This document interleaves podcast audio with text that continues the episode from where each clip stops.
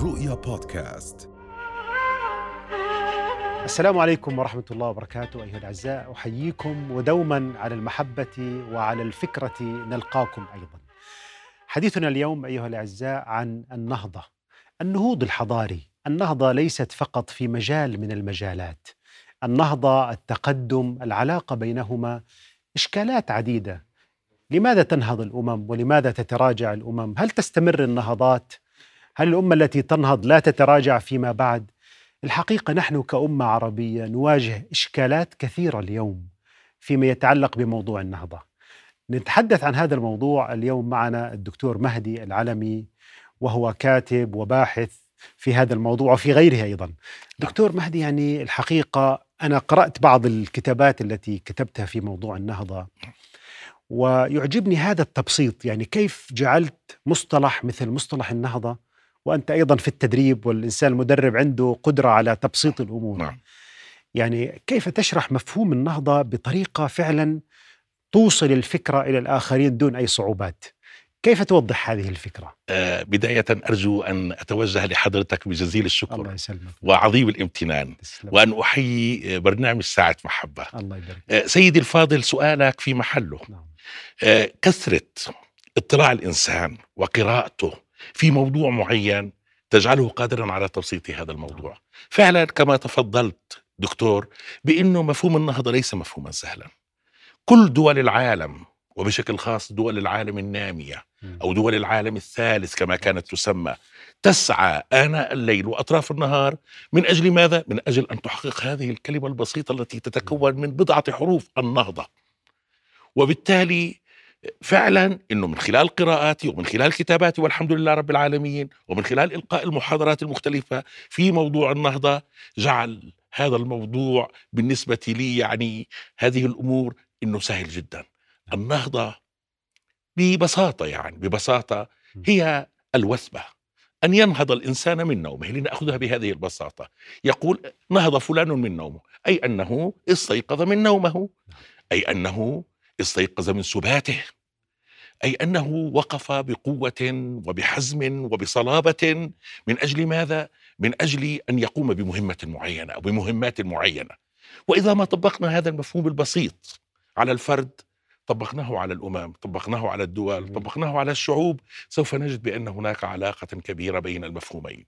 في هذه الأيام عندما نقول النهضة والكل الكل يسعى لتحقيق مفهوم النهضة ولجعله واقعا وانجازا على أرض الواقع فعلا بأنه إحنا نجد بأنه الأمم آه، تتسابق من أجل تحقيق أرقام في النواحي الاقتصادية والاجتماعية والتعليمية والثقافية والت- والتربوية وكل مجالات الحياة. وهذا ما جعل فعلا بأنه دولة كبيرة مثل الصين أن تكون من دولة آه، يعني قبل سبعين عاما. دولة بسيطة دولة مثقلة بالمشكلات نعم. دولة متوسط دخل الفرد. وكانت اليابان تحتل أجزاء أيضا من الصين. طبعا و- نعم كانت اليابان تحت الأجزاء من الصين. صحيح. وتحررت الصين سنة 1948 وحضرتك عارف بأنه كان هناك دولة كبيرة اللي هي الصين الشعبية ودولة صغيرة اللي هي تايوان. آه، هذيك الصين الوطنية كان اسمها وهي الصين الشعبية. يعني هنا ربما نعم. سنقف أكيد يعني وقفة يعني طويلة عند أكيد. التجارب. نعم. التنموية والتجارب التجارب الحضارية. ولكن دكتور يعني هناك من يقول لك أن النهضة هي بأن نتمسك بالقيم الدينية. النهضة هي قضية دينية وبالتالي يعني لو عندما نلتزم بالأمور الدينية نحن سننهض.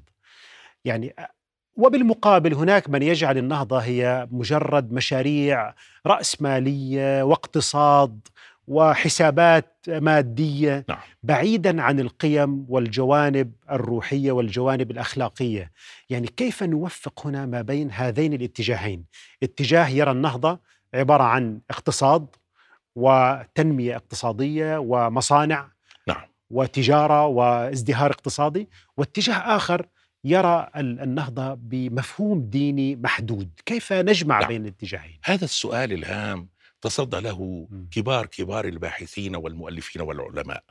والأمير شكيب أرسلان ألف كتاب مشهور بهذا الموضوع تحت عنوان إنه لماذا نهض الغرب وتخلف المسلمين؟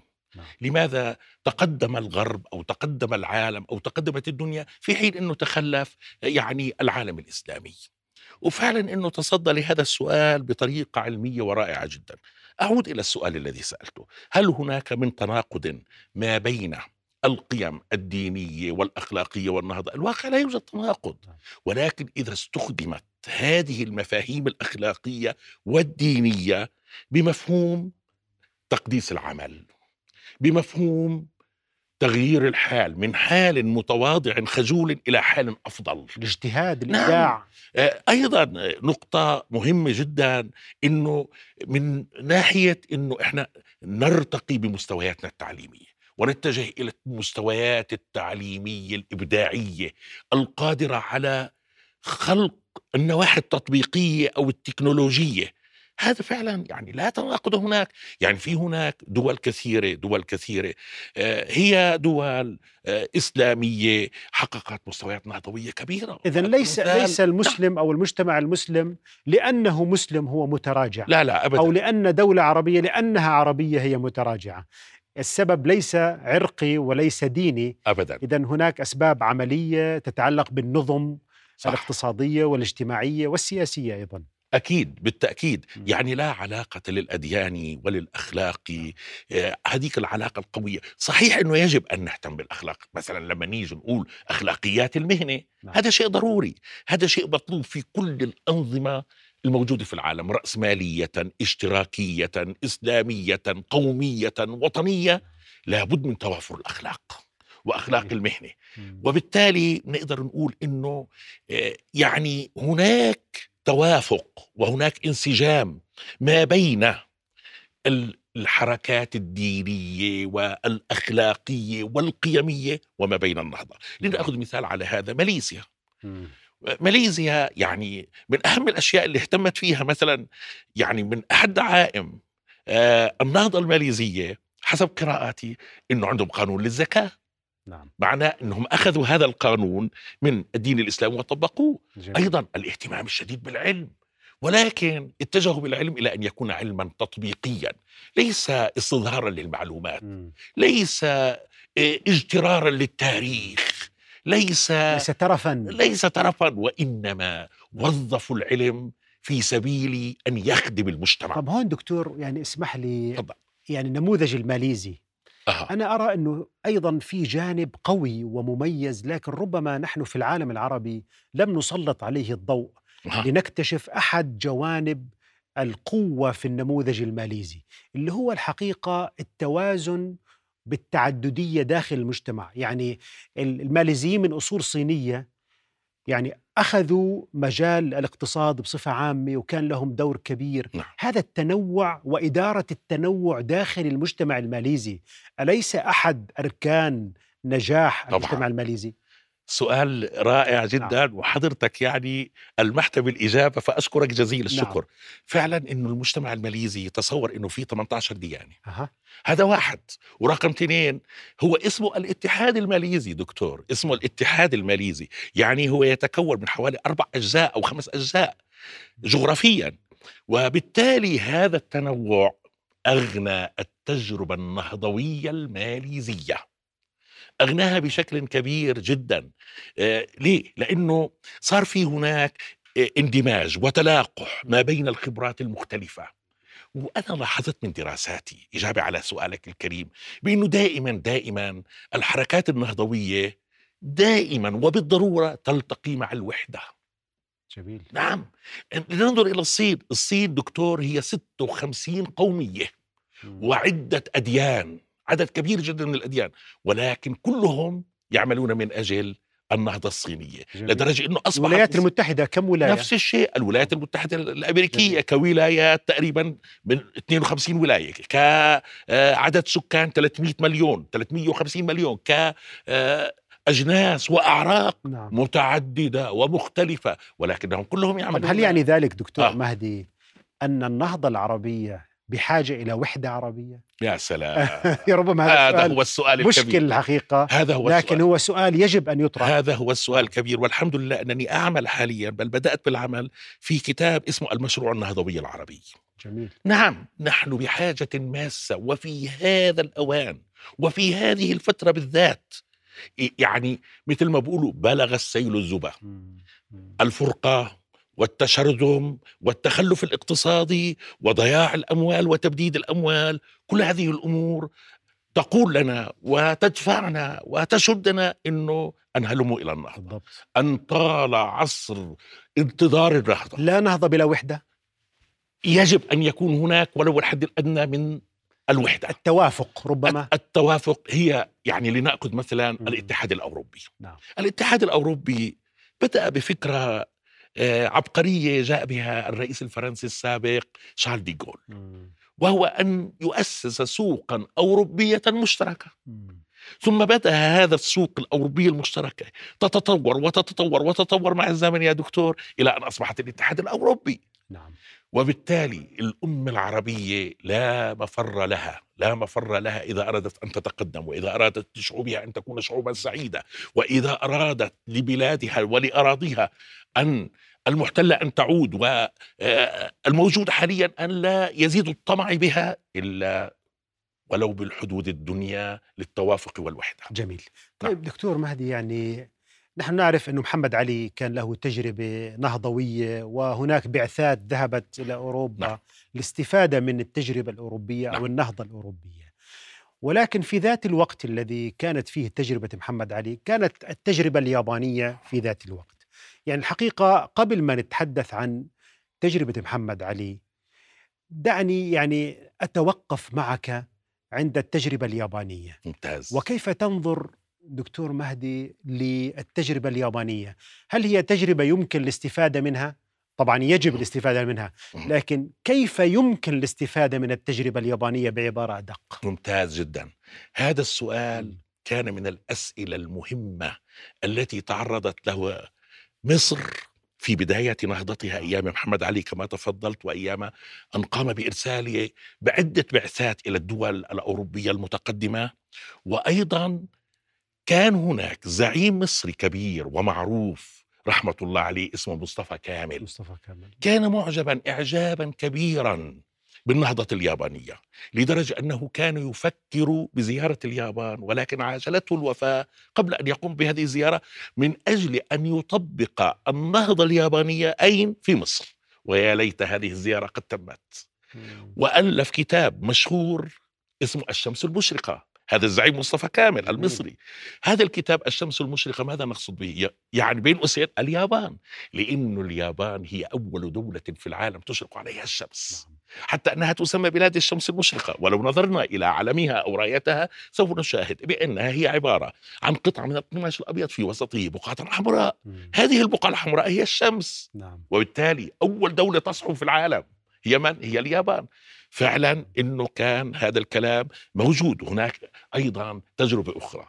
لمين؟ لشاعر النيل حافظ إبراهيم. شاعر النيل حافظ إبراهيم أيضا أعجب بالتجربة اليابانية ولكن من خلال علاقته مع إحدى الفتيات اليابانيات التي كانت مبتعثة نعم. من الإمبراطورية اليابانية إلى مصر لتدرس.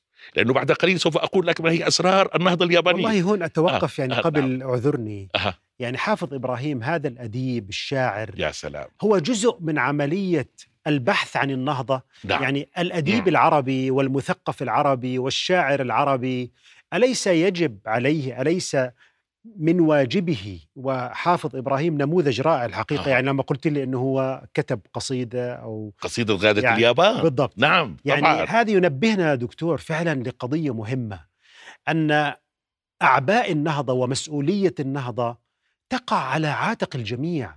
هل هي فقط يعني مسؤولية مصطفى كامل ولا محمد علي ولا الزعماء؟ أليس الأديب والمثقف هو جزء أيضا؟ لا شك لا شك بأنه جزء مهم جدا. إحنا ذكرنا عن مصطفى كامل وكذلك حافظ إبراهيم اللي قال في قصيدته غادة اليابان هكذا الميكادو قد علمنا أن نرى الأوطان اما وابا يعني الميكادو هو إمبراطور اليابان لقب لإمبراطور اليابان. نعم. أيضا المثقفين. والكتاب والأدباء مطلوب منهم جميل. أن يرفعوا العلم الأحمر أن يدقوا جرس الإنذار أن ينبهوا وأن يقولوا لكل نعم. أنظمة الحكم الموجودة بأنه نعم. كل الدلائل هون تقول العلم الأحمر مش دلالة على الماركسية يعني. لا لا لا, لا. يعني قصده هو أن على ينبهوا آه، وأن في- يعني في كرة القدم. في كرة القدم. بارك الله فيك. نعم. يعني دكتور مسؤولية النهضة. نعم. يعني هناك من يضع المسؤولية على ظهر الآخرين أو على عاتق الآخرين. ليقول أن المشكلة في النظام السياسي أن المشكلة في السياسيين. وليست في المعلم وليست في المفكر في المثقف في الأديب في الاقتصادي نعم. في مدير البنك في كذا. يعني هذا النوع من تشتيت المسؤولية أو توزيع المسؤولية بطريقة أو بأخرى. كيف نتعامل مع مسؤولية النهضة على من تقع؟ دكتور أنا درست يعني كل النماذج النهضوية الموجودة م. حاليا وفي التاريخ. وتبين إلي دائما دكتور أن النهضة ترتبط بقائد تحويلي تغييري كاريزمي نهضوي. لابد من هذا لابد. القائد. يعني أنا هذا ما وجدته. يعني أنت انظر إلى مثلا اليابان. مم. اليابان ارتبطت موتسوهيتو الإمبراطور اللي هو الميجي مم. ميجي يعني آه، تنبه كانت اليابان دولة متخلفة دكتور نعم. كانت دولة إقطاعية ودولة يعني تشكو من قلة الموارد الطبيعية اللي فيها إنما هذا الرجل يعني آه، وهو إمبراطور يعني. نعم تساءل قال إلى متى سوف نظل هكذا. فاشتغل على النظام التعليمي باتجاهين أرسل البعثات من الشباب والشابات اليابانيين واليابانيات إلى العالم ليتعلموا وينقلوا العلم والتكنولوجيا إلى اليابان عند عودتهم. وكذلك وهذا في القرن استقدم. في القرن التاسع عشر. هذا نعم في نهايات يعني توفي نعم. ميغاي في 1912 هي النهضة اليابانية الأولى نعم. دكتور. نعم. لأنه في نهضة يابانية ثانية بعد الحرب العالمية بالضبط. الثانية. نعم دكتور. وبالتالي أيضا استخدم الخبراء الأمريكان والأوروبيين استخدمهم إلى اليابان. من أجل أيضا أن يساعدوا في القيام بالنهضة. وكذلك دكتور آه، اشتغل ميغاي على تحسين النظام السياسي وعلى إلغاء الطبقية. كان عنده في اليابان طبقية يعني في الساموراي هذول. لا يصعد إلى الساموراي إلا يعني بعد آه، استيفاء متطلبات كثيرة إذا سمح له بذلك. ذوب الطبقية في اليابان. وب- وبنفس الوقت بنفس الوقت يعني آه، اهتم بالتعليم الياباني وبشكل خاص دكتور وهنا أضع أربع خطوط جامعة طوكيو. جامعة طوكيو متى اسست في الثلث الأخير من القرن التاسع عشر. نعم. جامعة طوكيو لعبت دورا كبيرا في نهضة اليابان. ولدرجة أنه الشاب الياباني أو الشاب اليابانية تكون أكبر فرحة في حياته ليست يوم ميلاده وليست يوم زواجه. يوم أن يقبل في جامعة طوكيو إذا استطاع أن يحقق قبولا. لأنه إذا قبل في جامعة طوكيو تأتي فورا الشركات العملاقة مثل شركة تويوتا مثل شركة نيسان مثل شركة هوندا مثل شركة ميتسوبيشي إلى آخره إلى آخره من هذه الشركات العملاقة وتأخذهم ليعملوا لديها قبل التخرج. جميل. يتفقون معهم ويقولون لهم إنه أنتم مدى الحياة خلص يعني من الآن إلى طيب. ان سن التقاعد يعني ألا يدل هذا. الكلام دكتور أن الميكادو أو القيادات نعم. السياسية اليابانية كانت أيضا لديها من الرصيد الاجتماعي والاقتصادي لديها من المؤسسات داخل الدولة التي تنسجم رؤيتها مع هذه الرؤية يعني لم يكن الميكادو وحده لم يكن الإمبراطور الياباني الذي يطمح نعم. إلى النهضة لم يكن مجرد شخص إنما كان أيضا وراءه من المؤسسات ووراءه من الجامعات وبالتالي هذا التداخل دكتور. نعم. ال- الفرد الذي تحدثت إنه لابد في النهضة أن يكون هناك شخص نعم. قيادي شخص لديه هذه هذا الإلهام ربما أو هذه النظرة العميقة للأمور. لكن ألا يجب أيضا أن تكون هناك مؤسسات بهذا المستوى تعليمية بالتأكيد. واقتصادية. بالتأكيد دكتور. يعني لنفترض إنه أول شخص هو يشعل شرارة النهضة. مم. وإذا ما أشعل شرارة النهضة وقام بالإصلاحات السياسية والاقتصادية والتعليمية والتربوية المطلوبة فإن كل مؤسسات المجتمع تنسجم معه أريد أن أضرب لك مثالا على النهضة الماليزية. النهضة الماليزية قام فيها مهاتير محمد للعلم مهاتير محمد اللي هو الآن رئيس وزراء ماليزيا وعمره فوق التسعين دكتور ما شاء الله طبيب جراح هو للعلم آه. كتب كتاب اسمه معضلة الملايو. معضلة الملايو تحدث فيه عن مسألتين مهمتين اللي هم شعب ماليزيا. اللي هو شعب ماليزيا. شعب أحد اسمه طبعا الملايو. حضرتك عارف هو اتحاد ماليزيا. اتحاد نعم. الآن في كتابه معضلة الملايو طبعا كل حركة نهضوية ترتبط بكتاب دكتور. هذا مهم اسمها مدونة النهضة. في كتابه قال بإنه على قصة إنه كيف إنه كل الأنظمة الاجتماعية تلتقي مع هذا القائد وتتعاون مع هذا القائد النهضوي. قال بإنه إحنا يلزمنا في ماليزيا اولا إنه نتحول التحول الصناعي الكبير. وقال بإنه كفانا يا شعب ماليزيا اتكالية وكسلا. جميل. يا سلام. جميل.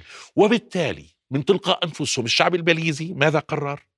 إنه يعطي لماليزيا ساعتين يوميا هم كان. عدد ساعات العمل 8 ساعات. ساعتين يوميتين مجانيتين انطلاقا مما ورد بهذا الكتاب. جميل. وبالتالي هدول الساعتين جعلوا الشعب الماليزي أو جعلوا ماليزيا من الدول العشرة الأولى أو الخمسة عشر الأولى في العالم. جميل. يعني هذا التوافق ما بين الشعب آه، والقائد نعم. والرسالة إذا الموضوع ليس فقط يعني وجود شخصية قوية وإنما أيضا شخصية مثقفة وشخصية لديها رؤية وكما ذكرت يعني هذا الكتاب وأنا أريد أن أتوقف عند نعم، الكتاب نعم. وجود مدونة للنهضة آه ضروري نعرف أنه يعني هناك آه، في في القرن نهاية القرن ال- الخامس عشر. تقريبا 1400 وكذا يعني صناعة المطبعة و- طبعا وكان. لها دور كبير جدا في النهضة الأوروبية نعم. فالكتاب عموما هو سبب من أسباب النهضة مئة بالمئة لكن مع كل هذه الكتب الموجودة الآن في عالمنا العربي ألا يوجد كتاب ننطلق منه لننهض دكتور هناك كتب كثيرة في العالم نعم. العربي تحدثت مم. عن يقظة العرب نعم. وعن نهضة العرب شكيب أرسلان كما نعم دكتور و- كتب كثيرة جدا نعم، محمد عبده و- محمد عبده يعني كتب أيضا كواكبي عبد الرحمن الكواكبي كواكبي. طبائع الاستبداد نعم. وأيضا يعني لم يظل أي كاتب إلا وكتب في موضوع النهضة ولكن إحنا في الوطن العربي كما قلت لك هل نهضنا؟ لا لم ننهض. لم ننهض بعد. بالعكس دكتور إحنا لم ننهض ولا في أي يعني دولة ما زلنا. نطوف حول النهضة؟ آه، إحنا نسعى. وهناك والله مخلصين في الوطن العربي. سياسيين ومثقفين وكتاب وأدباء ولكن نحن بحاجة إلى سائق النهضة. شرارة النهضة. ذلك الزعيم أو تلك الكوكبة التي تستطيع أو ذلك الموهوب أو ذلك النجيب أو ذلك الذكي أو ذلك العبقري نعم. الذي نستطيع إنه من خلاله نرى نموذجا نهضويا أمامنا. ونقول انظروا ماذا فعل. انظروا لقد اختلف مستوى دخل الفرد. بماليزيا من 320 دولار بالسنة يا دكتور إلى 12 ألف دولار بالسنة يصير مستوى دخل الفرد. بالضبط. يعني إشي صحيح. الصين الآن شبه الآن معجزة يعني. دكتور الصين عام 2020 سوف تحتفل بانتهاء الفقر فيها. نعم.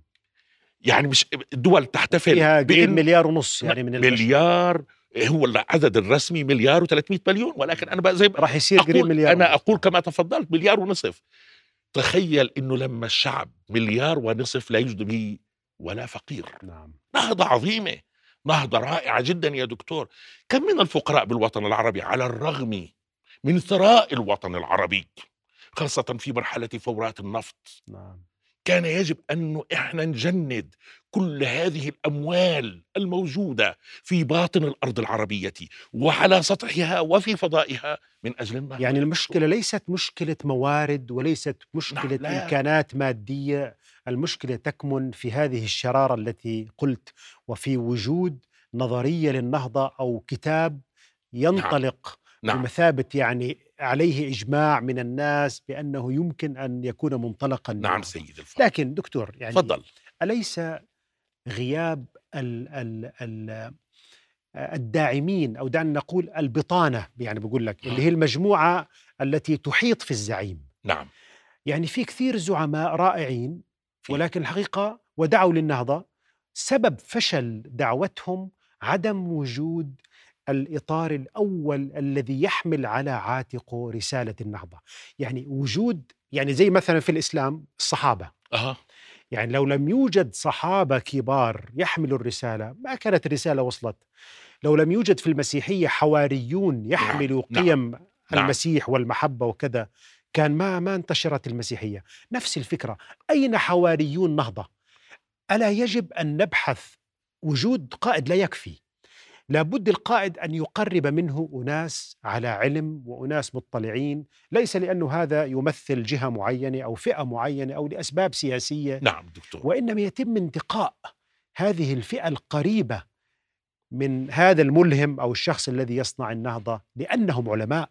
لأنهم مثقفين لأنهم أشكرك أشكرك ما رأيك بهذه القضية؟ رأيي بأنه أنا أشكرك جزيل الشكر. أنك أثرت هذه الفكرة نعم. نعم. الهامة وهذا ما دعوت إليه بأنه ضروري جدا في الوطن العربي وبغض النظر عن الخلافات السياسية وبغض النظر عن الفرقة والتشرذم القائم في الوطن العربي أن يكون هناك مجلسا للمبدعين أيوه. والموهوبين وظيفة هذا المجلس أنه يضع مشروع نهضوي عربي كبير كأن يقول مثلا خط سكة حديد من ينطلق من الخليج العربي إلى المحيط الأطلسي.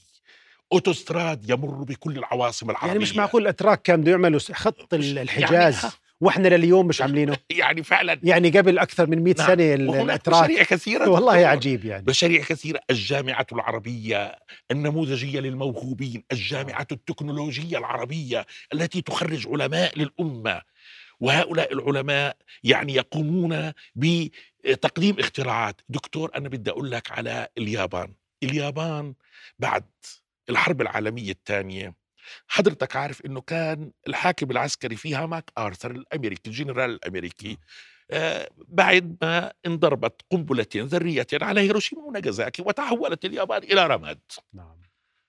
قام بخطوة ذكية جدا دكتور هي على قصة ال- الكتلة العربية ال- النهضوية الموهوبة ال- اللي فعلا يجب أن تشير على الرؤساء. قام قال لهم بأنه أي اختراع تخترع أي شركة من الشركات مسموح لها أن تحتفظ بهذا الاختراع عامين فقط. وبعد هذا العامين يصبح هذا الاختراع مشاعا. يعني موضوع الاحتكار. ضرب عامين أو فقط. رفض الاحتكار. إنه يبقى إلى ما لا نهاية. نعم أشكرك. عامين فقط. بعد هذين العامين دكتور يصبح مشاعا. أي شركة تريد أن تستثمر بهذا الاختراع تستثمر. هذا جعل كل شركات اليابان تجتهد في تقديم براءات اختراع جديدة. جميل. لأنه أنا مش مسموح لي إلا سنتين فقط. وبالتالي دكتور إحنا من الضروري إن إحنا نجمع الموهوبين. هذا الزمان زمان إدارة المواهب التالنت مانجمنت. يعني كل شركات العالم تبحث عن الموهوبين تبحث عن العباقرة تبحث عن الأذكياء تبحث عن النجباء. من أجل ماذا؟ من أجل أن توظفهم داخل أجسامها التنظيمية من أجل أن يقوموا بتقديم براءات جميل. اختراع. من أجل أن يفتحوا أسواق جديدة. وحضرتك عارف الآن التطبيقات الإلكترونية كم هي يعني مربحة وكم هي مسيطرة على كل أنحاء العالم. تطبيق واحد ويمكن وأنت جالس في بيتك تعمله نعم دكتور. يعني الإنسان العبقري نعم لا دكتور. يحتاج إلى إمكانيات نعم، كبيرة يعني. على جهاز آيفون أو جهاز هواوي أو على لابتوب صغير إذا كان هذا شاطر وعبقري يستطيع أن ينشره في كل العالم. نعم. فعلا دكتور العالم في سباق. وحضرتك عارف الحرب التجارية التي نشأت مؤخرا ما بين الولايات المتحدة الأمريكية والصين الشعبية نعم. نعم. الآن الصين والتي يعتقد البعض أن مرض الكورونا هو نعم، جزء يعتقد- منها يعني و... يعتقدون نعم في نعم. هناك تفسيرات نعم طيب دكتور هل آه. نحن دخلنا السباق؟ لغاية يعني حطينا الآن رجلنا في السباق الوطن ولا العربي لساتنا خارج السباق؟ الوطن العربي نعم. بكل أسف لا لم ندخل نعم. السباق بعد يعني هناك محاولات ونداءات نعم. كثيرة في النهضة. يعني لا نستطيع أن نغفلها عندنا بالأردن والله هناك اهتمام بالنهضة. في مصر في اهتمام بالنهضة. ولكن دكتور تستند هاي على نظرية تقول إن تقوية الدولة العربية الوطنية هو مقدمة أولى لنهضة عربيه شامله نعم. يعني نأمل إن شاء الله إذا الدول العربية كل دولة لحالها قدرت إنها تنهض لحالها أو آه، قدرت تقدم نموذج معين وإنه في النهاية كما حصل في الاتحاد الأوروبي يحصل هذا سيناريو وارد نامل ذلك. ولكن نعود إلى ما بدأت به يا دكتور أن دائما دائما النهضة ترتبط بالوحدة. انظر إلى أي حركة نهضوية في العالم. هل تريد إيطاليا؟ جاريبالدي وحد إيطاليا. مم. إيطاليا كانت دكتور عدة دول. مالك. هل تريد الولايات. المتحدة الأمريكية؟ حضرتك عارف الاتحاد الأمريكي وجورج واشنطن والزعماء الأمريكيين الذين بعده يا دكتور. جميل. هل تريد الصين يا دكتور؟ الصين نفس الشيء. كانت عدة دول وتوحد يعني هل تريد الاتحاد السوفيتي؟ الاتحاد السوفيتي يا دكتور كان صحيح. أكبر مساحة في العالم. يعني موضوع الوحدة والنهضة فعلا موضوع مهم يا دكتور ملاحظة في مهم جداً. مكانها. والدكتور مهدي يعني أنت أيضا أثرت وثورت يعني ونهضت بالاسئله كذلك نعم. الحال هل الديمقراطية شرط من شروط النهضة؟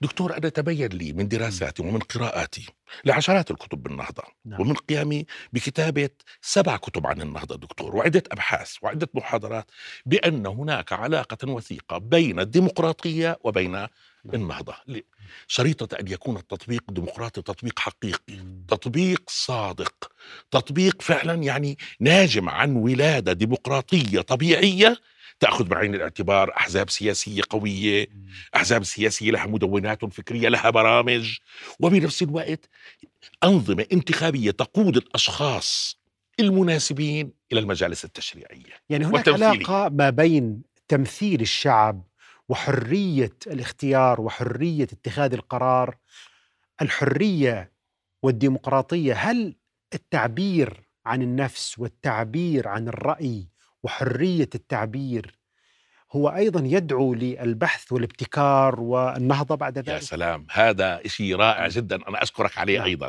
فعلا دكتور حرية التعبير حرية الكلمة دكتور حرية الكتابة حرية يعني الاختراع آه، كل هذه الحريات تلعب دورا كبيرا يا دكتور في النهضة النهضة دكتور يجب أن تدعم بعدة مبادرات نعم. وبعدة مساهمات وأيضا أن نفتح كل الأبواب للنهضة أوروبا أول ما بدأت في النهضة الأوروبية كانت الحرية ركيزة أساسية نعم. كانت الحرية ركيزة أساسية وكانت قيمة من أهم القيم كذلك دعه ال- يعمل دعه, دعه يمر يا سلام دعه يعمل دعه يبيع دعه ينتج دعه يمر نعم. نعم آدم سميث قالها في كتابه ثروة الأمم نعم. وهذا أيضا من الكتب اللي النهضوية يعني اللي النهضة استندت عليها الدول الرأسمالية استندت على هذا الكتاب. من تاليف آدم سميث جميل. نعم. وكذلك دكتور خلينا نقول بإنه الديمقراطية والحرية يعني صنوان وجهان لعملة واحدة. نعم. هنا دكتور يعني أنت يعني لماذا نحن نقوم بالديمقراطية؟ أنا تبين إلي من خلال دراساتي وأبحاثي إنه الديمقراطية أفضل حسنة فيها أتدري ما أفضل حسنة فيها نعم. أنها تقود الشخص المغمور غير المعروف ولكنه ذكي وعبقري جميل. وقادر على العطاء جميل. إلى سدة القيادة جميل وإذا لم تقد وإذا لم تقم الديمقراطية بالمجيء بهؤلاء العباقرة الجهابذة نعم التطبيقيين التنفيذيين إلى سدة القيادة فإن النظام الديمقراطي يكون فاشل. لا، نظام ديمقراطي يا دكتور؟ دقيقة جدا أشكرك. فعلا. وبالتالي ليست ترفا وليست لا ليست ديكور- سياسيا أبدا. ديكور سياسي لا، لا، لا، وإنما أبداً. هي من أجل أن أن تنهض بالمجموعات بالضبط. المهمشة ويكون لها نفس الدور أو ربما تشترك في صناعة القرار. نعم. طب دكتور أليس من الممكن أن يقول البعض أن هتلر يعني أحدث نوع من النهضة في ألمانيا؟ صحيح على المستوى الصناعي وعلى مستوى الشوارع والبنية التحتية وحتى اليوم بعض الشوارع موجودة هي من أيام هتلر نعم ماذا نقول عن نهضة الدكتاتور؟ كيف نصف تلك النهضة التي يقوم بها شخص غير ديمقراطي؟ دكتور هذا النموذج نعم. الألماني النهضوي ليس غريب. لوحده آه. أيضا دكتور في اليابان في اليابان بالشخصية العسكرية اليابانية نعم دكتور قبل الحرب العالمية الثانية آه، إيطاليا كذلك وإيطاليا والتقت موسوليني. والتقت هذه. النهضات الثلاثة جميل نعم. اللي هي اليابانية هي دول المحور يا دكتور في في بينها رابط نعم مشترك وكذلك ألمانيا وكذلك إيطاليا التقوا مع بعض يا يعني. دكتور. هلا وأيضا أنا أستطيع أن أقول من النهضات الدكتاتورية نهضة الاتحاد السوفيتي أيام ستالين. وهذا صحيح. نعم. نهضت نهضة صناعية هائلة.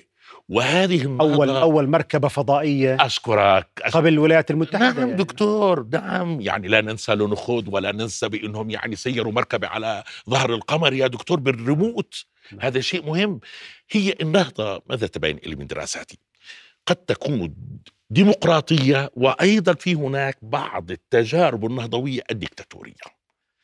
ولكن ما الفرق بينهما؟ هل هلأ. هذه تبقى أكثر؟ هل هذه يعني ال- النهضة الدكتاتورية هي بمثابة طفرة نهضوية أو أنها لن تكون مستدامة وقوية كتلك الديمقراطية؟ ما الفرق؟ إجابة على سؤالك الكريم. نعم. الذي حفظ هذا الدرس مضبوط هي الصين الشعبية مم. خليني أعطيك فكرة حضرتك عارف الصين الشعبية دولة شيوعية صحيح أليس كذلك؟ وكان الزعيم الأسطوري الملهم الكبير ماو تse تونغ ماو تse تونغ نعم. وماو تse تونغ عندما استقلت الصين عام 1949 48 قام بالقضاء أو تحجيم الزراعة والاتجاه إلى الصناعة مم. لم ينجح لم ينجح وكان إهمال الزراعة على حساب الصناعة أدى إلى مجاعات والمجاعات في, في الصين مات منها عدد كبير من الناس بالملايين. يعني هناك. ثمن دفع ثمن كبير لهذه الثورة فجاء شي جيوان بينغ وغير المسار مم. وقال إنه إحنا العلم أحمر وهو إشارة إلى الاشتراكية ولكننا نرحب بالاستثمارات من كل أنحاء العالم مم. عمل تمازج ما بين النظام الاقتصادي المفتوح الحر وما بين المحافظه على القيم الاشتراكية. نعم. وبالتالي اعطى للمزارعين الحرية في التملك. وهنا حققت ال- الصين الأمن الغذائي يا دكتور. جميل. وبنفس الوقت فتح المجال للاستثمارات فجاءت كل مصانع العالم. مم. وكل شركات العالم الضخمة باحثة عن أمرين. اولا اليد العاملة الرخيصة. ثانيا الإيجارات الرخيصة. وأنا أضيف لها ثالثا المواد الخام المتوفرة هناك وأضيف لها رابعا يا دكتور السوق الكبير بالصين السوق الضخم بمئات الملايين أنت تتحدث هنا عن مليار ونصف تقريبا طب هون دكتور يعني دكتور مهدي آه. يعني قد يقول قائل بأن لكل بلد خصوصيته ولكل تجربة حضارية سياقها الخاص. وبالتالي لا نستطيع أن نذهب لهذه التجارب ونستعيرها أو نأخذها ونطبقها بحذافيرها أو كما هي في عالمنا العربي موضوع النموذج موضوع وجود نهضة نموذجية يعني كيف تفسر هذه القضية؟ دكتور أيضا سؤال رائع أشكرك عليه جزيل. الشكر دكتور لابد من أن نستعين يعني أنا نتيجة قراءاتي وهناك الدليل نعم. من إنه لابد من أن نأخذ نموذجا متفقين مصطفى كامل رحمة الله عليه الزعيم المصري الكبير قال إني أنا أريد أن أطبق نهضة اليابان في مصر مم. لأنها أمة شرقية. هي أقرب لمصر هي أقرب لمصر. أمة شرقية مم. في إقطاع هون وكان في مصر في أيضا. بالضبط. صح ولا لا؟ صحيح. هذه أمة شرقية لها تقاليد وعادات شرقية وهذه أيضا أمة شرقية لها تقاليد وعادات. جميل. على الرغم من اختلاف الأديان ما طب بين لماذا اليابان لم تنجح في مصر؟ يعني هذا السؤال الصعب دكتور والله لماذا لم تنجح تجربة محمد علي والتجارب المصرية المبكرة فيما يتعلق بالنهضة؟ أنا بنظري كان من الممكن أن تنجح لو أنه تمت المحافظة على مسألتين مهمتين نعم. المسألة الأولى آه الديمقراطية الحزبية.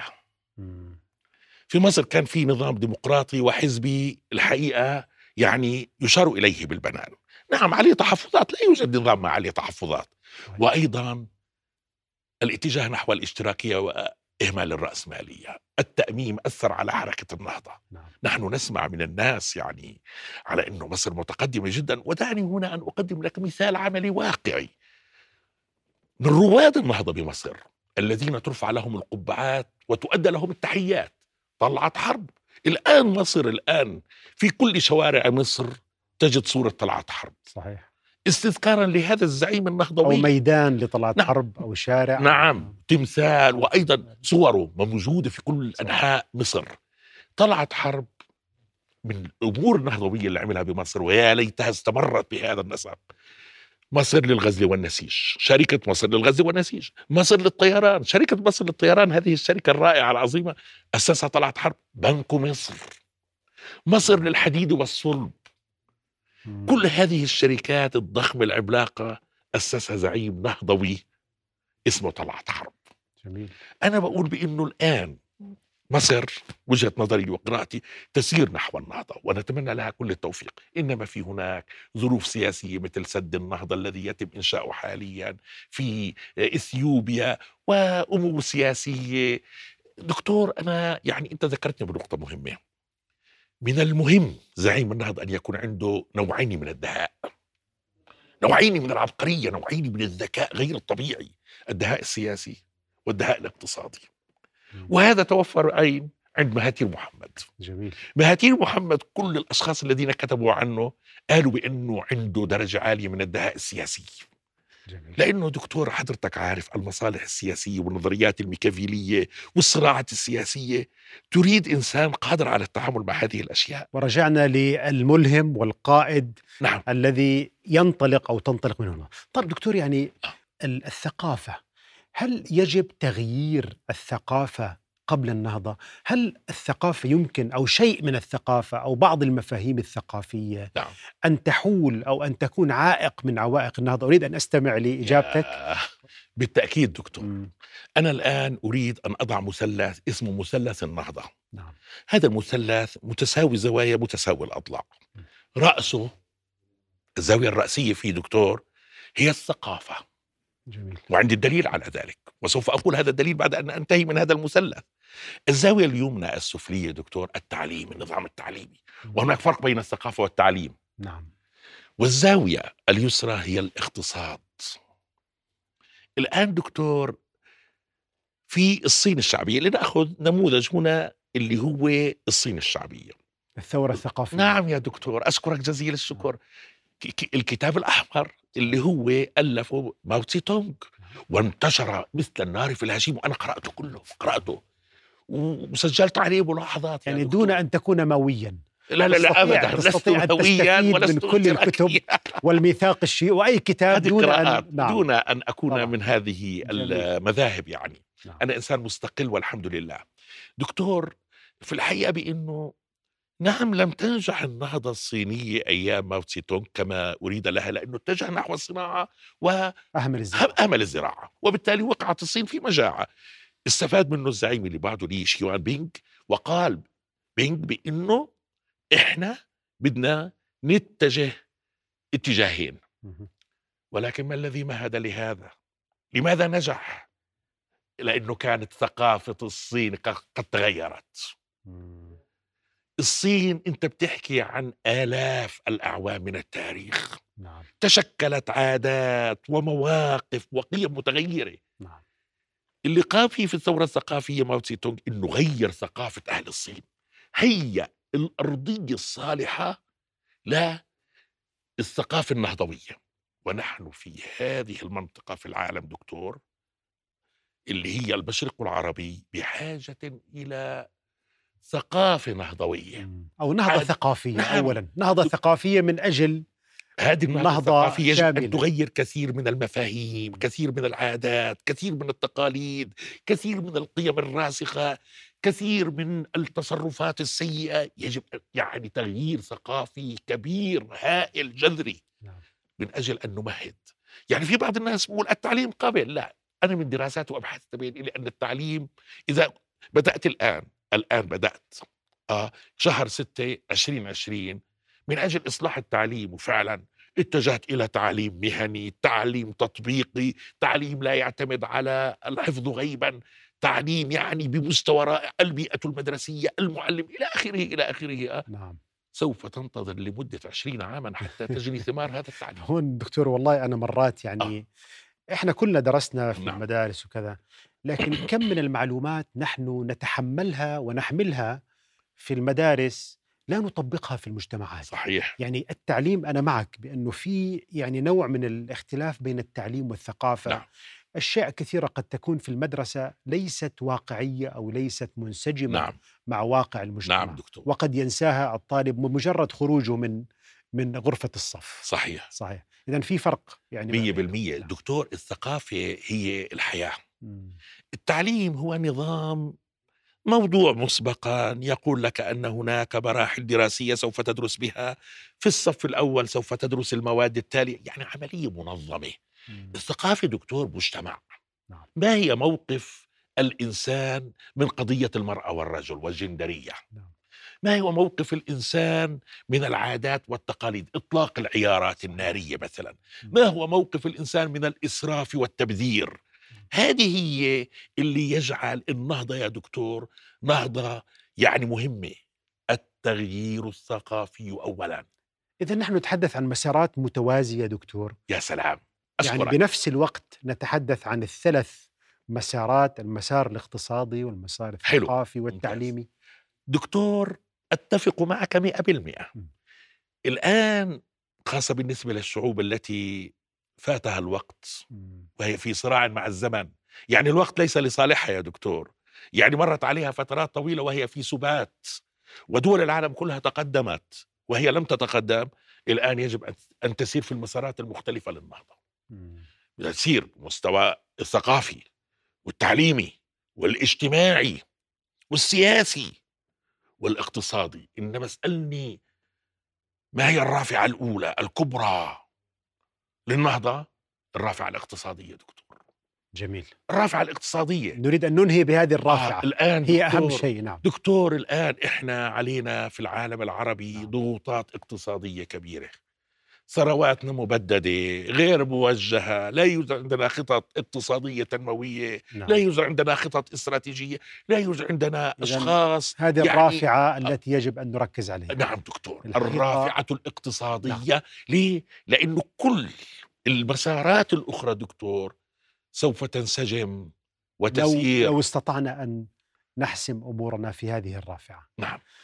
دكتور مهدي العالمي لا يسعني في نهاية الحلقة. الله لأن يخليك. أشكرك شكرا جزيلا وأنتم أيها الأعزاء إلى أن نلقاكم في حلقة أخرى. أستودعكم الله. رؤيا بودكاست.